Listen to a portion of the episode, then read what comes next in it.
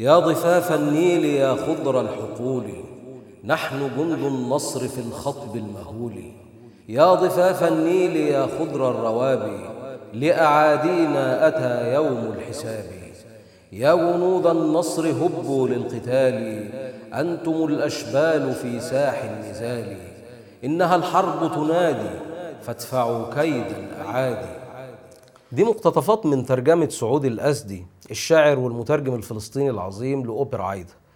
الأوبرا اللي تناولت انتصار الجيش المصري على إثيوبيا ورجوعه بالغنائم والعسرة واستعراضها واستعراض قوة الجيش المصري في الجزء المعروف من الأوبرا باسم مارش النصر. ومارش النصر هو موضوع أولى حلقات برنامجنا الشيخ والمقام.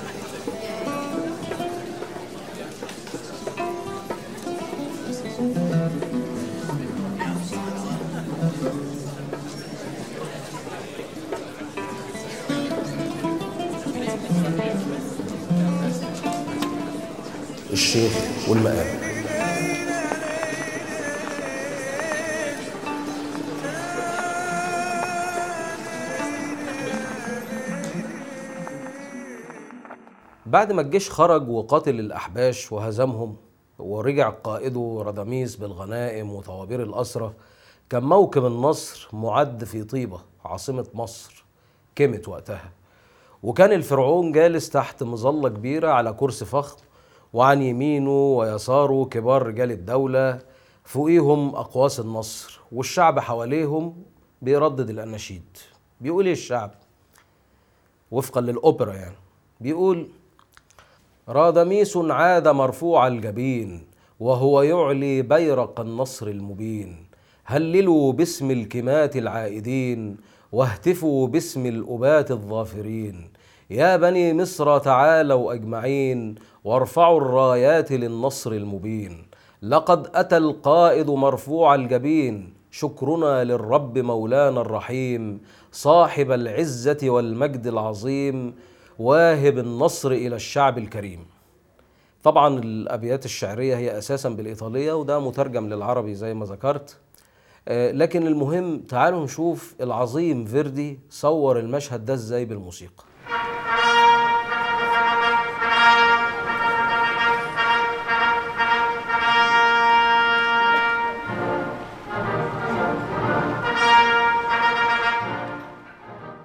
الموسيقى بتبتدي بداية فخمة مرهبة جسورة قديرة بقدر جيشنا العظيم المنتصر. الجملة بطلها النحاس المعروف باستخدامه في مثل هذه المواقف يعني واللي هو آه، النحاس يعني أساس في أي فرقة موسيقية عسكرية. الجملة كمان فيها تأهب كده وفيها استعداد فيها إنذار للمستمع بإن في حدث جلل هيحصل وإنك لازم تسكت وتحبس أنفاسك استعدادا لهذا الحدث.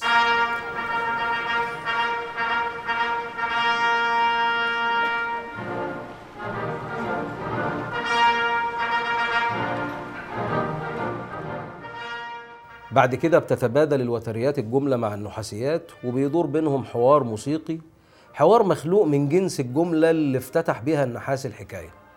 وكأن الحوار ده فيه أسئلة وإجابات بين الوتريات والنحاس. تحس مثلا كأن الوتريات بتسأل بتقول هو في إيه فترد النحاسيات بتقول في أمر عظيم. ترد الوتريات تقول إيه هو ده فتقول لها النحاسيات جيشنا انتصر على الأحباش وأمن حدودنا وأمن مياه النيل. واهب الحياة لمصر.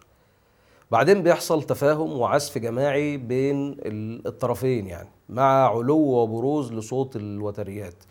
وكأن الوتريات هنا هي صوت الشعب والنحاسيات هي صوت الجيش.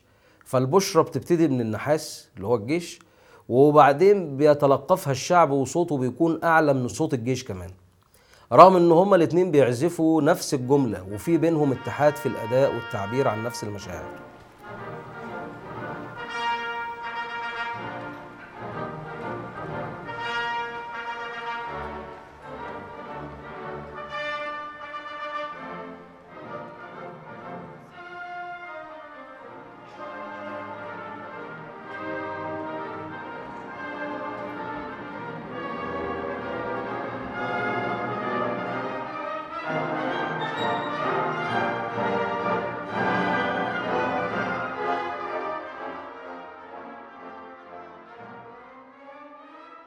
هنا بيبتدي الكورال يغني ويمجد مصر وإلهها وجيشها وملكها ويهتف بعظمتهم ومجدهم.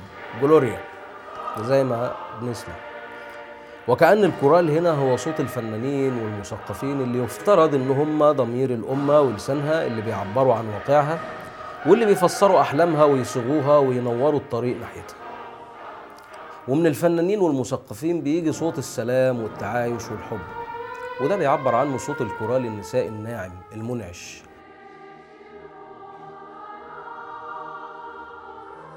واللي بيردد أدعية رقيقة بتمني السلام والحب لبلدنا ولجيشنا وقائده. وأن تظل دائما سحابة ورد تحميه من الحروب وتحفظ جنوده لزوجاتهم وبناتهم وأولادهم وإخواتهم هنا بنلاقي الأداء الكورالي حالم جدا ومسترخي جدا. في استطالة كده ورقة ملائكية بتعبر بشكل واضح جدا عن المعنى اللي, اللي ذكرناه. وبيرد الكورال الرجال الضخم الخشن عشان يوزن المعادلة أمام الكورال النساء الرقيق الناعم.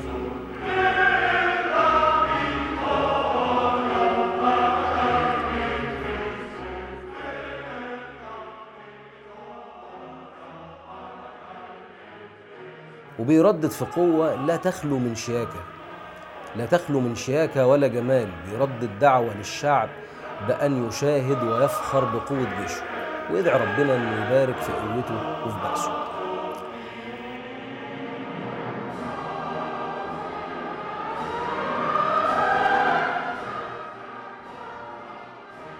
هنا بقى ده آه، يعني أهم أهم جزء في في الحكاية النهارده يعني. وده الجزء اللي هتلاقي كل حضراتكم عارفينه يعني. لأنه بيتردد كتير جدا وبنشوفه. هنا بيدخل الموكب الفخم العظيم. بيدخل الجنود والضباط البواسل ومعاهم معداتهم العسكرية. يتقدمهم حملة الأعلام والبيارق. بيمشوا مشية منتظمة مهيبة منتشية منفجرة بالعظمة. تطال سعادتهم ونشوتهم عنان السماء. إحساسهم بالعلو والسمو تحقد عليه وتغار منه النجوم والكواكب والسماوات. زهوهم وجمالهم وبهائهم يحرق قلوب الزراف والغزلان. دبيب اقدامهم تهاب الأسود والأفيال والحيتان. انتصاب قامتهم وعلو هامتهم تحسدهم عليه أطول الأشجار في أعظم الغابات. بيرسم فيردي المشهد ده بالموسيقى اللي بطلها النحاس طبعا. كونه هنا مارش عسكري آه، فطبيعي النحاس يكون بطل هنا. لكن بعد ما يخلص النحاس جملته بنلاقي الوتريات وكأنها بتستعطفه لكن بكلمة بكلمة صغيرة وكأنها بتقول له تاني بس هي بتقول له تاني بس. هنا الوتريات كأنها جموع الناس كأنها فرحانة بالعرض. بتقول للجنود تعالوا تاني. فيجي النحاس يعيد نفس الجملة لكن بمشاعر متضخمة مشاعر فيها زهو. فنلاقي التون بتاع النحاس بيعلى أكتر في الإعادة وبيكون كمان أكتر حدة. كده خلاص. الناس اللي هم الوتريات هنا يعني بتعبر عنهم حفظوا وبقوا يرددوا نفس الجملة اللي بيقولها النحاس لكن بيقولوها طبعا بصوت واطي يعني لا صوت يعلو فوق صوت النحاس يعني دايما يعني. فنلاقيهم إيه بي بي بيرددوا معاهم. فالنحاس بينتهي فيلاقيهم هم بيعيدوا الجملة. فكأن النحاس حس بإحراج فبيجي قايل الجملة من جديد بيقولها لثالث مرة لكن بيقولها بشكل مقتضب وبعدين هنا بينتهي العرض العسكري. طبعا يعني لازم نسمع لازم نسمع نسمعها لوحدها الحته دي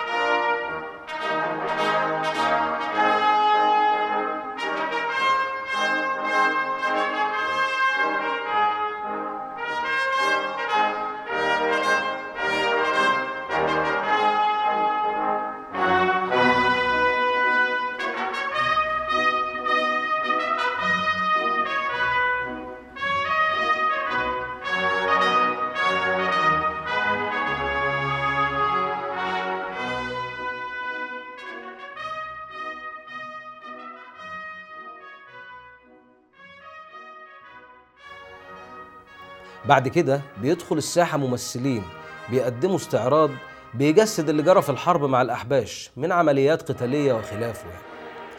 وبعديهم بنلاقي رجال الدين بيدخلوا ويرددوا أناشيد وتراتيل وترانيم وابتهالات لأن ربنا يحفظ مصر وجيشها زي ما سامعين كده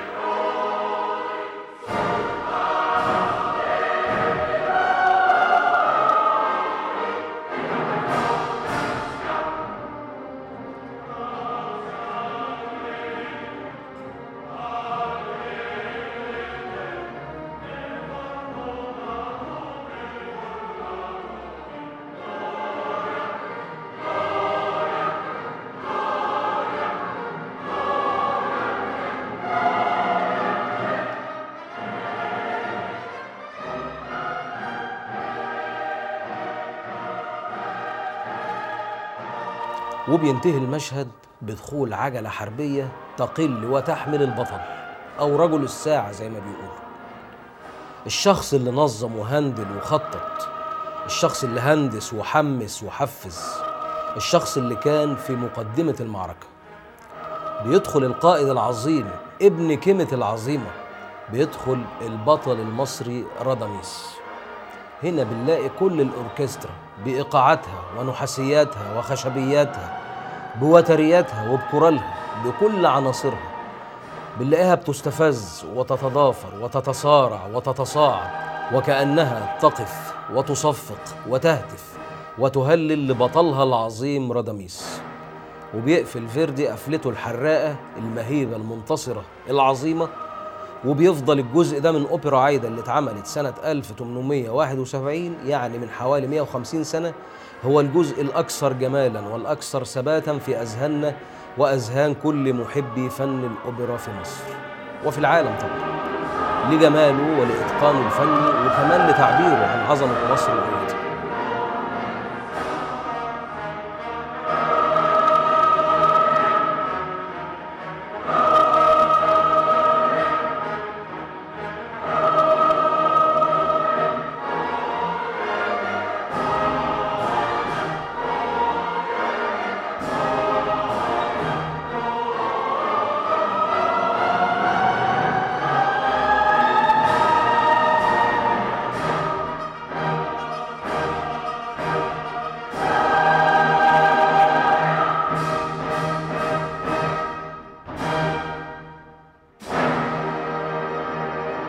الله الله الله الله على الفخامة والعظمة الله على فيردي الله على مصر الله على مصر اللي ألهمته بالتحفة العظيمة دي. طبعا الأوبرا نفسها إحنا عارفين إنها مأخوذة عن مخطوطات لقاها العالم المصريات الفرنسي أوغست مارييت سنة 1850 وبعدين القصة اللي كانت في في المخطوطات دي عجبت الخديوي إسماعيل اللي كان على خلاف بل في صراع مع إمبراطور الحبشة وقتها. وحتى دخلوا في معارك عسكرية مع بعض بدأت من سنة 1863 كان وقتها طبعا السودان جزء من مصر وكان في نزاعات حدودية كتيرة مع الحبشة وقتها. المهم إن الخديوي عجبته الحكاية ولقاها يعني تشفي غليله كده من إمبراطور الحبشة وكمان هي بتعبر عن عظمة مصر طبعا يعني. مصر اللي كانت وقتها أو منذ عهد محمد علي كانت بدأت تستعيد مكانتها كدولة عظمى مستقلة في المنطقة دولة بتناطح الخلافة العثمانية نفسها بعد قرون من التبعية. المهم عالم الآثار ده إدى المخطوطة لصديقه الكاتب الفرنسي كاميل دو لوكل اللي صاغ النص الروائي للأوبرا منها يعني.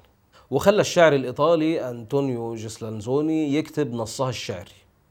وكمان قدر كاميل يقنع العظيم جوزيبي فيردي بأنه يضع موسيقاها ويلحن كلماتها كان المفترض الأوبرا دي تتعرض في حفل افتتاح دار الأوبرا المصرية لكن فيردي ما كانش خلصها لسه وما تعرضتش غير بعدها بسنتين.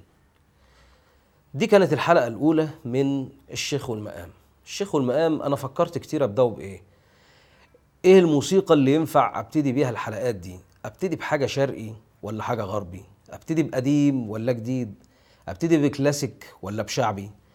الحقيقة الإخوة في أثيوبيا يعني ألهموني وقالوا لي ابتدي من عند الفراعنة وانتصاراتهم. ابتدي من عند مصر أم الدنيا من عند كيمت من عند مينا وأحمس ورمسيس وحور محب قالوا لي ابتدي بحاجة تفكرنا بإن مصر أكبر من أي مخططات أكبر من إنها تكون تابع لمشروع ما أو دولة ما أو ثقافة ما أو جماعة ما. مصر يا جماعة مصر يا صديقي مصر أول إمبراطورية في التاريخ. مصر اللي حدودها من حوالي 3500 سنة وصلت شمالا إلى ما تسمى الآن تركيا. واقروا تاريخنا الفرعوني لو تحبوا يعني. اقروا عن الملك تحتمس الثالث العظيم أقوى ملوك الأرض قاطبة في عصره. طيب إيه هو الشيخ والمقام وإيه هدفه؟ كان المفترض إن أنا أقول ده في البداية لكن لقيت لا صوت يعلو على صوت المعركة يعني زي ما بنقول. فأنا حبيت أدخل في الموضوع على طول. لأنه إحنا حقيقي دلوقتي يمكن الحلقات دي بتبتدي نقدمها وإحنا في في, في أزمة وفي صراع وجودي مع إثيوبيا و وعندنا مشاكل يعني. فالحقيقة لقيت إنه مفيش صوت يعلو على صوت عزة مصر وكرامة مصر اللي آه، كنت أبتدي أقوله قبل ما أتكلم عن إيه هو الشيخ والمقام. عموما الشيخ والمقام هدفه إنه يدينا سلام افتقدناه سلام تديهولنا الموسيقى. يخلق جوانا تأمل يخلق عالم تاني غير اللي حوالينا يخلينا نعيش جواه ومن خلاله نخلي اللي حوالينا أجمل ويشبه العالم اللي خلقته الموسيقى جوانا. الموسيقى يا صديقي اللي ممكن تكلمنا عن حاجات مش بنقدر نصيغها في كلام وفي نفس الوقت مش بنبقى قادرين نسكت على الإحساس اللي بتخلقه جوانا. فبيتحول حالنا معاها لرقص لدموع لشرود لحاجات كتيرة ملهاش حصر ممكن نحسها. هدفنا في الشيخ والمقام إننا نحاول نقرب من المعاني والأحاسيس دي. صحيح يمكن هقرب منه بإحساسي أنا ولكن أوعدك إن إحساسي ده يكون صادق وإن معاني الموسيقى هتكون دايما مبررة أو منطقية ومدروسة. هنترجم المزيكا اللي هي لغة الأوتار والإيقاعات والمفاتيح وخلافه للغة البشر للألفابت للغة الألف باء. هنحاول نشوف الآلات بني آدمين بيتكلموا مع بعض بيحبوا بعض بيزعلوا من بعض بيتحدوا مع بعض بيتحدوا بعض بيهرجوا مع بعض إلى آخره من مواقف إنسانية. وكل ده جوه المقطوعة الموسيقية اللي بتحكي حكاية حكاية لها سيناريو وأبطالها بينهم حوارات. في النهاية خلونا نختم حلقتنا بالمزيكا برضو عشان أقول لكم أتمنى لكم أيام وليالي كلها سيكة وأفراح. وربنا يبعد عنكم وعنا حزن الصبا وحرقة وعذاب الكرد. ربنا يديكم قوة الرصد وحرية وزهو وفخر العجم ورومانسية وهيام النهاوند. وتعيشوا مع البيات معتزين بتراثكم وماضيكم الجميل. وحنين وشوق الحجاز اللي في أغانينا يبقى دايما شوق للجمال وحنين للبهجة. تشتاقوا للفرحة تحضنوها وتحنوا للحب فتلاقوه حاضنكم. وإلى اللقاء.